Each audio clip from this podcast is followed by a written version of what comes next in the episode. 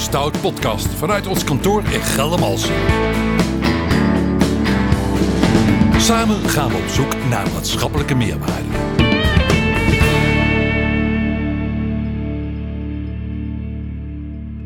Nou, leuk, goedemiddag. Welkom hier vanuit de studio van uh, de Stoutgroep in Geldermalsen bij weer een podcast. We hebben aan tafel Joep Moren, projectmanager bij de Stoutgroep, en Dries Drogendijk, directeur gebiedsontwikkeling Oost in Amsterdam. En we gaan het hebben over het strandeiland en het buiteneiland, allebei in Amsterdam. Het eerste is een, uh, ja, een, een groene blauwe stadswijk, moet dat worden eigenlijk in de toekomst van Amsterdam. Dat plaatst biedt aan 8000 woningen. En dan heb je het aangrenzende buiteneiland. Dat wordt het sluitstuk van Eiburg en krijgt met name een invulling als natuurpark en cultuur sportvoorzieningen gebied. Nou, prachtig. Jullie, jullie zitten hier beide. Um, uh, wel, welke rol hebben jullie? Hoe is de taakverdeling? Begin jij, uh, Joep? Ja, dus uh, ja, mijn, mijn taak is als projectmanager uitvoering om ja, de plannen die zijn gemaakt voor deze twee mooie eilanden, om die tot, uh, tot uitvoering te brengen. Dus ik, ik zorg eigenlijk voor dat er een verbinding wordt gelegd tussen de plannen die zijn gemaakt en de, en de uitvoering daarvan. Dan zeg je verbinding, wat, wat, wat komt daar dan bij kijken? Ja, je moet, uh, je, je moet rekenen, kijk, de, de plannen die staan op papier en uiteindelijk moet je ervoor zorgen dat het ook buiten gerealiseerd wordt. En uh, bijvoorbeeld voor, voor deze twee eilanden is een belangrijk uh, item het land maken. Ik bedoel, we maken deze woonwijk en dit natuurgebied niet op het vasteland, maar we maken ze midden in het IJmeer. Nou, daar komt wel wat bij kijken. Eer dat je woningen bijvoorbeeld kunt neerzetten, uh, moet je eerst eilanden aanleggen waar 14 miljoen kubieke meter zand in moet komen. Uh, er moeten wegen worden aangelegd, bruggen, van alles. Voordat je eigenlijk kunt beginnen met de opgave woningen bouwen. Mm -hmm. En, en Dries, wat is jouw taak? Jij bent echt opdrachtgever, ja. maar, maar je zegt niet tegen Joep, uh, jij voert het uit en ik bemoei me er niet mee natuurlijk. Nee, opdrachtgever is gewoon zo'n stom woord. Ja. Uh, dus anders zeggen je inderdaad directeur gebiedsontwikkeling Oost. Ik, uh, het komt erop neer dat ik namens het grondbedrijf van Amsterdam, dat ik opdrachtgever ben van alle projecten in het oostelijk deel van de stad. En uh, in de stad hebben we zeven opdrachtgevers. Uh, de Republiek Amsterdam heeft niet vier windrichtingen, maar zeven. Dus ik doe dan de oostelijke kant. Zeg je Republiek? Ja, dat is zo. Je weet het Amsterdam. Amsterdam uh, dat wij zeggen de Republiek Amsterdam. okay. En, um, dus dat zijn eigenlijk de grote gebieden Eiburg, Zeeburger Eiland en alles rondom mm -hmm. het Amstelstation. Dus waar de grote nieuwbouwgebieden zijn en nog een paar plukjes daartussen. Dus daar ben ik dan de opdrachtgever van, van de projectteams. Waar, uh, zeg maar, zoals uh, Joep hier ook zit, zeg, hij de trekker is weer van de, dat team dat één gebied helemaal uh, voor elkaar krijgt. Ja, ik zit even naar mijn tafel hier, Ralf Buiten, hey, te kijken. Ik, ik heb je niet ik, voorgesteld vanmiddag. Ik dacht, ik hou me gewoon stil. Misschien maar, komt het omdat ik verkouden ben, Jan, dat je dacht, hij moet een ja, beetje zijn mond houden. Ik, ik, zie jou je wenkbrauwen fronsen, want dit is een gigantisch project, denk ik, als je het zo hoort. Oh, hè, toch? Ja, nou ja, ik, ik, ik probeer een beetje in, in mijn hoofd het plaatje te maken, maar ik... wat ik me vooral wel afvraag is wat, wat nou de grootste uitdagingen voor, voor jullie zijn om zeg maar van planvorming tot realisatie uh, te komen. Kun je daar iets over vertellen, Dries? Ja, dat, daar kijk ik een, heel even kort terug. Hè? Want ja. uh, uh, in de vorige crisis, 2012, 2013, toen was Eiburg eerste fase. Dat is Eiburg haveneiland, zeg maar, en de Rieteiland. Dat is wat, wat, waar waarschijnlijk iedereen wel een keer geweest is. Dat was klaar. De, er moesten nog een paar blokken worden gebouwd, maar het, het, land was klaar. En toen dacht de stad, gaan we nou door met nog een tweede fase voor Eiburg? We konden nog een even grote plaat met zand maken in het IJsselmeer. Dat hadden we allemaal geregeld, juridisch, bestemmingsplannen en, en vergunningen, et cetera. Maar ga je nou in het diepste punt van de vorige crisis, ga je dat nou doen? We hadden geen, geen rode rotcent als stad toen. Nee. En toen dachten we, ja, maar je, ga, je wilt toch perspectief geven aan de Eiburgers van beste mensen. U bent hier gaan wonen met het idee dat het echt een grote stadswijk wordt. We gaan een beginnetje maken. Dus toen zijn we begonnen met Centrum Eiland. Uh, heel klein stukje van Eiburg tweede fase. Nou, toen we, kwamen we heel snel uit de crisis. En uh, toen dachten we, ja, nu moeten we echt heel snel ook woningen maken. Het is een raar idee, want we hebben bijna in één keer vervolgens Strandeiland aangelegd Gewoon eh, gooi je voor 100, 150 miljoen euro aan zand gooi je in het water. Dat is nou ambachtelijk werk. Dat kunnen we wel als Nederlanders, land maken. Maar dan wat je zegt, het, dan een plan maken om ook tot, tot bouw te komen. eh, dat duurt heel lang. Ja. En eh, nou, we zitten nu in de fase dat we echt de hobbels hebben gehad van het komen van het plan zelf tot inderdaad het aanleggen van wegen, de infra, de, de warmteleidingen. Dat moet allemaal de grond in tot je je huisjes kan bouwen. En we zitten nu gelukkig in die fase dat we echt eh, vlak bij de startbouw ook van de woningbouw zijn. Maar dat, dat, dat gaat tien jaar gaat er overheen. Ja. Ben, jij ook bij, in die hele periode ook betrokken geweest? Ja, ja. En Joep? Ja, ik, ik kijk het meer dan even op het niveau van uitvoering. Wat, eh, wat voor mij eh, de grootste uitdaging is eigenlijk, eh, zoals Dries al zei, er is een plan gemaakt. En eer dat je tot uitvoering gaat en het eiland is aangelegd, dan zitten daar toch wel een kleine zes, zeven jaar tussen. Wat dan altijd speelt is van gedurende de rit komen mensen met andere ideeën, met wijzigingen die ze willen doorvoeren in een plan. En ja, dat moet je wel goed kunnen sturen. Heb je daar een Soms voorbeeld van, Joep? Wat, eh, wat dan... eh, wat voor wijzigingen ja, gaat het een wijziging bijvoorbeeld, wordt misschien een wat technisch eh, voorbeeld, is dat er een wijziging komt van het, van het eh, gewenste maaiveldhoogte. Dus de hoogte waarop het eh, straks de wijk moet worden aangelegd. Kijk, als je eenmaal in het proces zit van land maken en je bent bui- buiten bezig om het land te creëren, ja, dan luistert het wel erg nauw of dat iets twee meter hoog moet zijn of 2,5 meter hoog. Ja. Eh, we werken hier op een eh, blubberachtige bodem. Eh, de bodem van het ei bestaat voor de eerste acht meter uit klei, veen en hele slappe benden. Dat luistert best wel nauw wat nou precies die maaiveldhoogte is. En die maatregelen kun je eigenlijk maar één keer treffen. Je kunt niet elke week weer aan een aannemer vragen... doe dit en doe dat er nog eens bij. Dus het, in de, dus de plan, dus tijdens die fase van plan tot uitvoering ja, moet je goed eh, op de uitgangspunten blijven, blijven sturen. En uiteraard de signalen wel serieus nemen als, hè, als er echt een wijziging mogelijk is of er nodig is, maar dan ook wijzen op wat zijn dan de consequenties daarvan. Het kan niet allemaal ongestraft, we kunnen het maar één keer op de goede manier En, aanbrengen. en, en wat is jouw expertise, Joep? Waar, waar blink jij in uit? Wat is jouw talent hierin? Ehm, mijn, mijn expertise zit hem, denk ik, met name dat ik de taal spreek, zowel van de plannenmakers als van de, van de techneuten. Dus ik weet, kan goed aanvoelen De wanneer. techneuten zijn in dit geval de baggeraars of de, de mensen die het zand Nou, eh, in het water gooien? Moet ja, dat de, zo zien? de landmakers, De landmakers. de bruggebouwers. Er Ja. zit een heel technisch bureau binnen de gemeente Amsterdam die die plannen uitwerkt tot Ja. eh, contracten.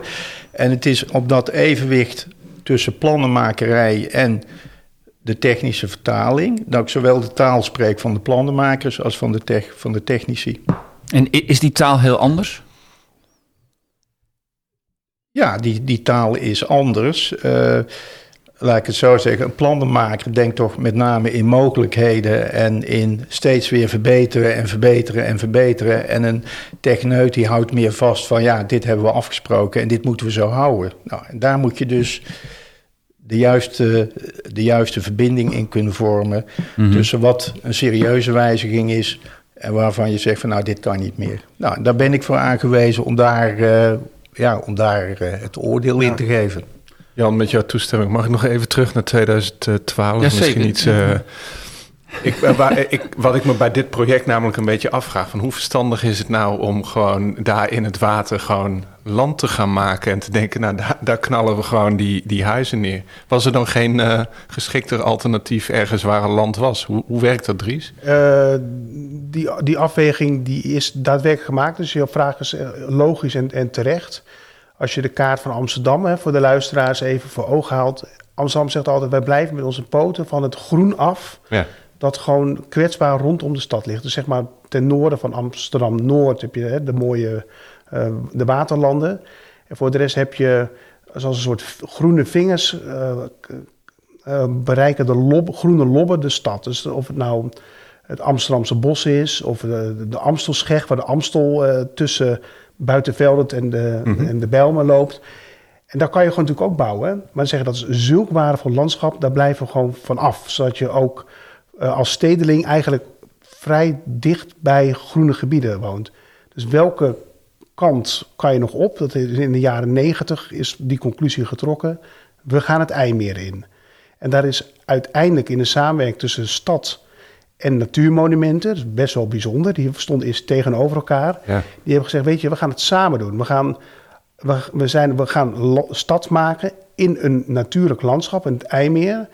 Maar tegelijkertijd gaan we de kwaliteit van dat water en vooral de oevers gaan we eh, verhogen, verbeteren, zodat het een veel aantrekkelijker natuurlandschap tegelijkertijd wordt. Dus er is heel erg veel geïnvesteerd in het verbeteren van de natuurlijke waarden van het IJsselmeer.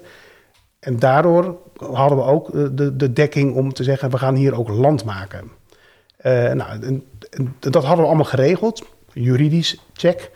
En toen dachten we, ja, dan, gaan, dan zetten we het ook door. En dan gaan we dus dat tweede deel van- Eiburg, dat gaan we dus ook maken. De strandeilanden, die plak zand, al die hectares, die liggen er nu. Ja. En eh, ja, die wachten, die wachten wel Oh, op bebouwing. Maar wat, ik, wat, ik, ja, wat, ik, wat ik leuk vind als Amsterdammer, ik maak ook in de stad natuurlijk de, de brugrestauratie mee van alle bruggen. Er liggen nu van die loopbruggen er langs, Ja. maar er schijnt dan weer even geen geld te zijn om het project verder uit te voeren. Hoeveel geld hebben jullie nu? Hoeveel geld is er in kas om de plannen verder door te voeren? Of kan het dan ook een tijdje stil liggen?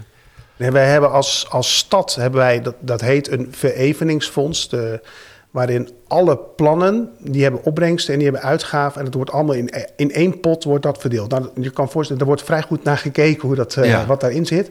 Maar we, eh, we, we houden ook vrij goed bij welke ruimte er nog is om, om te investeren in nieuwe ontwikkelingen. En nou, om een voorbeeld te noemen, eh, we willen echt eh, als stad zeker door met de stedelijke vernieuwing van de, hè, kwetsbare wijken in Amsterdam-Noord, Nieuw-West en Zuidoost.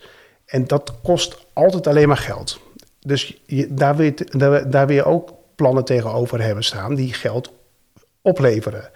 Nou, en nu weten wij van eh, Strand Eiland dat als wij daar eenmaal beginnen met huisjes bouwen, dan levert dat wel geld op. Dus we hebben bij, bij aanvang, bij het werk van Joep, heel veel geïnvesteerd in landmaken, bruggen, waterkeringen. Maar als we eenmaal huizen gaan maken, dan komt er ook geld weer binnen. Dus dat maakt het ook wel aantrekkelijk om nu snel te starten met bouwen. Ja, want er is een enorme woningnood. Ja. Is er dan niet iets van eh, dat, dat men bij de gemeente zegt van nou, eh, eh, Dries, eh, ja, jij hebt een streepje voor, want jij gaat 8000 woningen neerzetten. Werkt het niet zo? Nou, we, we zijn op heel erg veel plekken bezig. Maar je merkt nu in deze tijd dat de gebieden waar Amsterdam zelf grondpositie heeft. Dus, eh, dus inderdaad Eiburg, maar ook op Zeeburger-eiland bij Sluisbuurt, hè, waar die torens komen.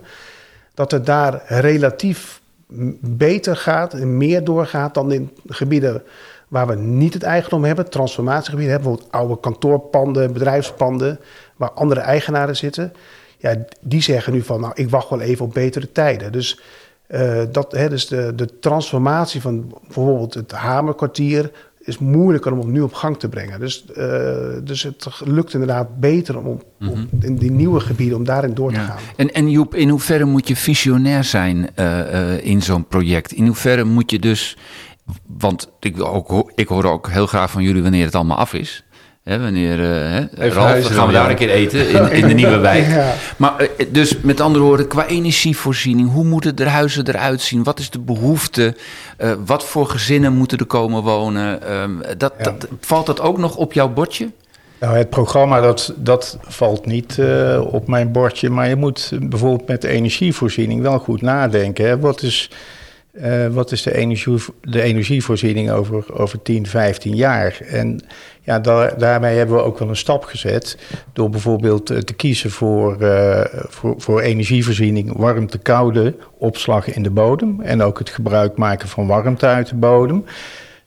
Wat betreft het de elektrische. Dat is nu al besloten. Ja, dat, is een wel, ja, hamerstuk. dat Ja. is al, dus, dat, En dat- wordt al dat- aangelegd. ja, dat wordt al aangelegd. Dus zonder dat er een woning is, hebben we daartoe al besloten. Oké.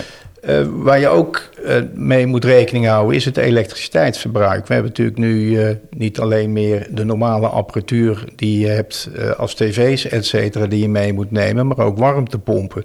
Ook daar moet je op voorzien dat het, het elektriciteitsnet wat je aanlegt, moet daarop daarvoor gefaciliteerd zijn. We spreken daarom ook van, van 100% all electric. Dus daar zijn we op voorbereid. Of dat het gaat gebeuren, weten we niet. Maar je moet nu die maatregelen nemen om later niet voor verrassingen te Ja. komen staan. En, en, en wanneer kunnen de mensen gaan wonen? Hebben jullie daar enig zicht op? Nou, we starten met woningbouw, denk ik, volgend jaar. Eerste paal.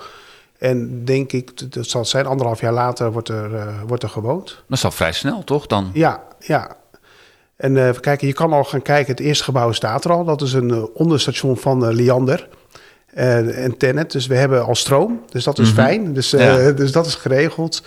En er wordt ook volgend jaar, eind volgend jaar, gestart met bouw van eh 350 eenheden flexwonen, noemen we dat. Voor opvang van vluchtelingen in combinatie met studenten. Dus die trekken we eigenlijk naar voren. En die De- flexwoningen, die, zet je, die kun je snel neerzetten. die kan, die kan je relatief snel neerzetten, ja. ja. en, die, Ja. en die kunnen dan ook weer worden weggehaald? Is dat de bedoeling? Ja, we zetten die voor tussen de 10 à 15 jaar. Staan ze dan op de plek eh, waar, ze, ook- waar ze nu op, op strandeiland worden gepland. En uiteindelijk is dat wijkje bedoeld voor andere soorten, eh, soortige ontwikkelingen. Dus dan worden ze een keer opgepakt en dan komen ze ergens anders te staan.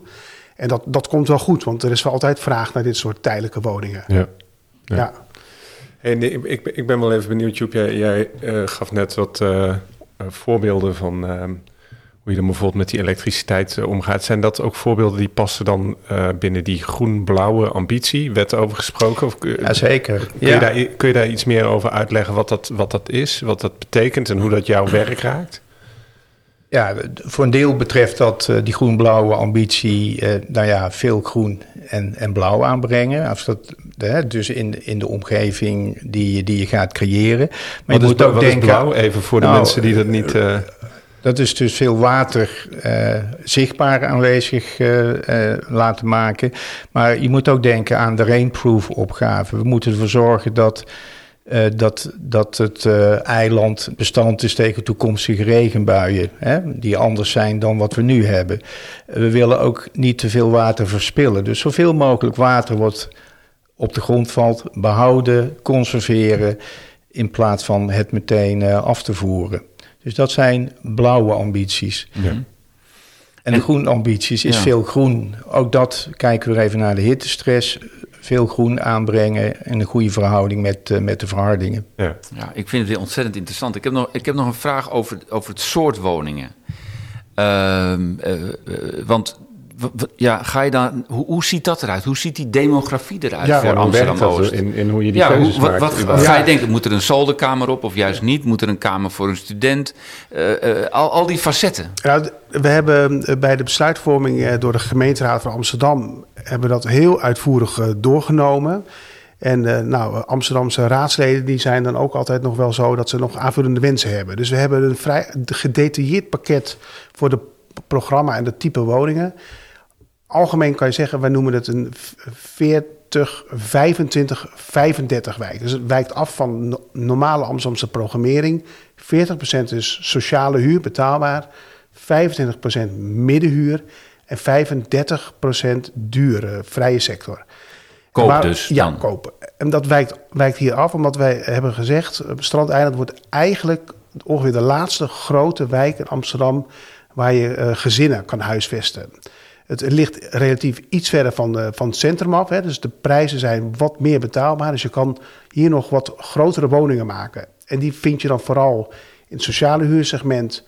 en in de vrije sector. Middenhuur merken we in de stad... dat zijn toch vaak kleine huishoudens eh, of, of starters... eh, en nou ja, die, die hebben op heel veel plekken, andere plekken in de stad, komen zij aan de beurt. En hier proberen we vooral te programmeren voor gezinnen. Eh, maar we zijn nog niet eens begonnen. Of je merkt al dat ook nu, door de demografische druk, dat er eh, al meer vragen is. Kunnen we hier toch ook wat kleinere huizen bouwen? Want Wat is- bedoel je met demografische druk? dat eigenlijk, eh, wij bedenken, we willen hier een wijk voor gezinnen, maar eigenlijk is er bij alle segmenten in de woningmarkt is gewoon zoveel vraag. Dus, dus dat ook ouderen eh, die zeggen, kunnen we hier ook oudere complexen maken? Mhm. Toen weet ik, ja, maar dat, die willen toch wat dichter bij het centrum zitten. Nee, ook hier komen dat soort eh, voorzieningen. Studentenwoningen, willen die hier op Strandeiland zitten, zo ver van het centrum af? Ja, die gaan ook hier komen. Dus wij gaan toch ook voor veel meer diverse doelgroepen programmeren, anders dan alleen maar die gezinnen. Uh, nou, dat, dat, is goed, want daardoor wordt het een veel meer, denk ik, Amsterdamse woonwijk. En ik denk ook eerlijk gezegd, Joep, maar misschien is het gewetensvol, dat er ook veel meer dan 8000 woningen komen. Want ik denk dat wij, hè, we, dat, dat, dat 10.000, hè, ja. valt het. Het is al gevallen, ja. ja. En, en, en hoe, hoe werken jullie samen? Is dit echt een, een twee-eenheid in dit project? Ben jij er de hele week?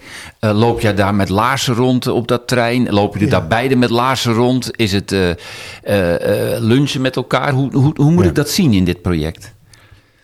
Nou, dat, dat Dries die stuurt dus een vrij groot team aan. En ja. het, zou, het zou wat raar zijn als ik een één op één relatie daar. Goed, hoe groot is het team trouwens, Dries? Nou, ik denk dat aan gebiedsontwikkeling Oost... er werken bijna 300 mensen die aan plannen werken. En ook nog ongeveer 300 mensen die in de uitvoering werken. En dat zijn dus niet de bouwvakkers van marktpartijen. Nee, nee. Dus, uh, en je zou zeggen, overal... Ik werk dan op, op het kantoor in de stad... En daar zie ik Joep ook uh, nou, een paar dagen per week. Maar ik ben daar bijna iedere dag. En dan hebben we ook een, een bouwketen op locatie. En uh, ja, daar kom jij vaker dan ik. Ja, maar dus ja. eigenlijk is dat het leukste om daar te zijn. Ja, ja, ja. Dus, ik, zie, ik zie Joep ook wel een beetje glunderen. Oh, nee, dat is ook wel het leukste. Want daar, daar gebeurt het uh, natuurlijk. En dan, dan zie je ook het werk wat mm. gebeurt. Ik neem Dries overigens daar ook wel regelmatig mee naartoe. Dan gaan en dat met, ook belangrijk is, toch? Dan gaan we, dan gaan we over het land gaan ja. over het land rijden en het, het, uh, het land overzien. en een beetje Range Rover ook, moet ik dat zo zien? Ja, four-wheel drive. Ja, en ja. af en toe kom je ook vast te zitten daar. Dus, het, is, het is modder. Ja, ik, waar ik wel nieuwsgierig naar ben, want jij, jij, jij kijkt Joep net even aan, Dries, als het gaat over die, worden het nou acht of tienduizend woningen. Uh, hoe, hoe, moet ik me, hoe, hoe werkt dat dan? Want waar ligt dan zo'n, uh, ik, ik, snap dat een gemeenteraad input levert, maar wat is dan jouw rol in zeg maar zo'n zo'n keuze en wat is jouw rol, Joep, als het dan ineens van 8 naar, naar 10 gaat, waar ligt nou uiteindelijk uh, de, de beslissingsbevoegdheid? Of hoe werkt zoiets nou? Nou, ik ben hierin wel, wel volgend. Het enige wat je aan mij kunt vragen van... Goh, heb je daar al rekening mee gehouden bij aanvang? Ja, natuurlijk hou je daar ook rekening mee. Dat je, van dan krijg jij de vraag van Dries... Moet ik dat zo zien? Of hoe nou, de eerste vraag is van willen we voor 10.000 woningen gaan? Want het heeft natuurlijk ook zaken als bestemmingsplannen die zijn gemaakt en die zijn ingesteld op een bepaald aantal woningen.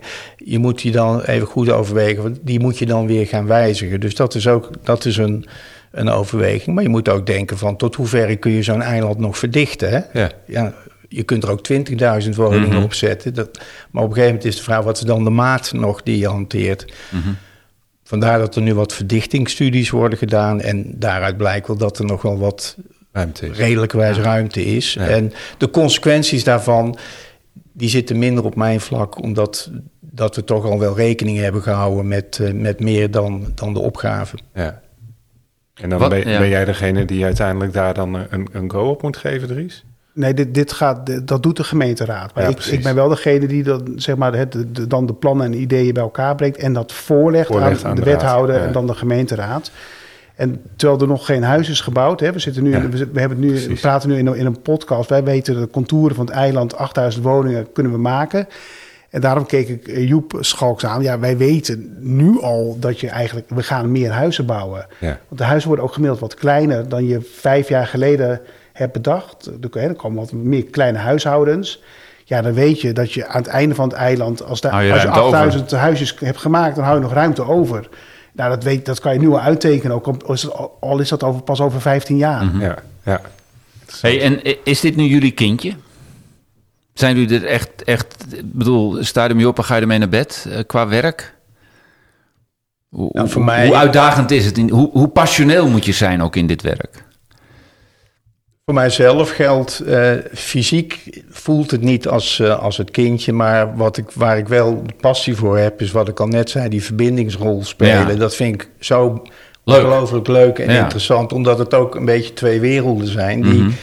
die niet vanzelf met elkaar communiceren, maar die je wel aan het communiceren brengt en ook tot samenwerking brengt. En dat, dat je daar een steentje aan mag bijdragen, dat is wel mijn, uh, mijn dingetje waar ik heel blij van word. Ja, ja.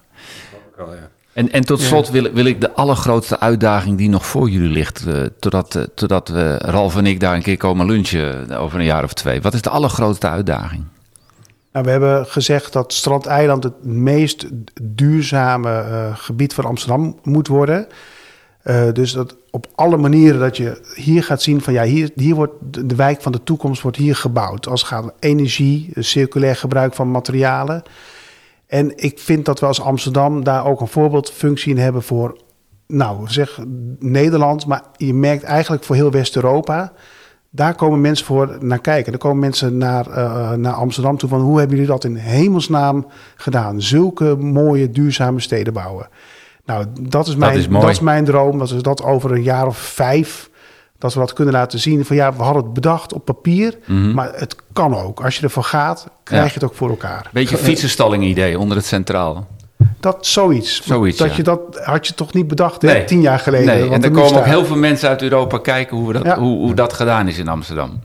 Nou, hartstikke leuk. Ik vond het ja, voor, mij, voor mij ligt de uitdaging. Dankjewel dat je mij nog even het woord geeft. ja, voor mij ligt de uitdaging. Ik dacht dat jullie beide een uitdaging, nou, uitdaging was. We hebben, zeg het maar. We hebben namelijk één eiland een beetje onderbelicht gehouden. is niet ergens het buiteneiland. Mm -hmm. En voor, voor mij ligt daar nog de grootste uitdaging. Omdat we daar niet het land gaan maken zoals we dat op het strandeiland hebben gedaan. Daar hebben we puur met zand eigenlijk alles opgehoogd. Zand wat uit het Markenmeer, IJmeer afkomstig is. Voor buiteneiland gaan we zoveel als mogelijk gebruik maken van grond die vrijkomt bij projecten in de gemeente Amsterdam. Dus we maken er een enorm groot hergebruiksproject van. En daar, dat zou mooi zijn als we dat uh, rond uh, gaan krijgen. Dat dus dat we ja. die grond dat is mooi, ja. kunnen gebruiken op een nuttige wijze en daar weer een nieuw eiland uh, van kunnen aanleggen. Nou, hartstikke mooi. Ja. Dank u wel voor jullie komst. Ja. Dank je. Dit was de Stout Podcast vanuit Geldermalsen. Tot de volgende keer.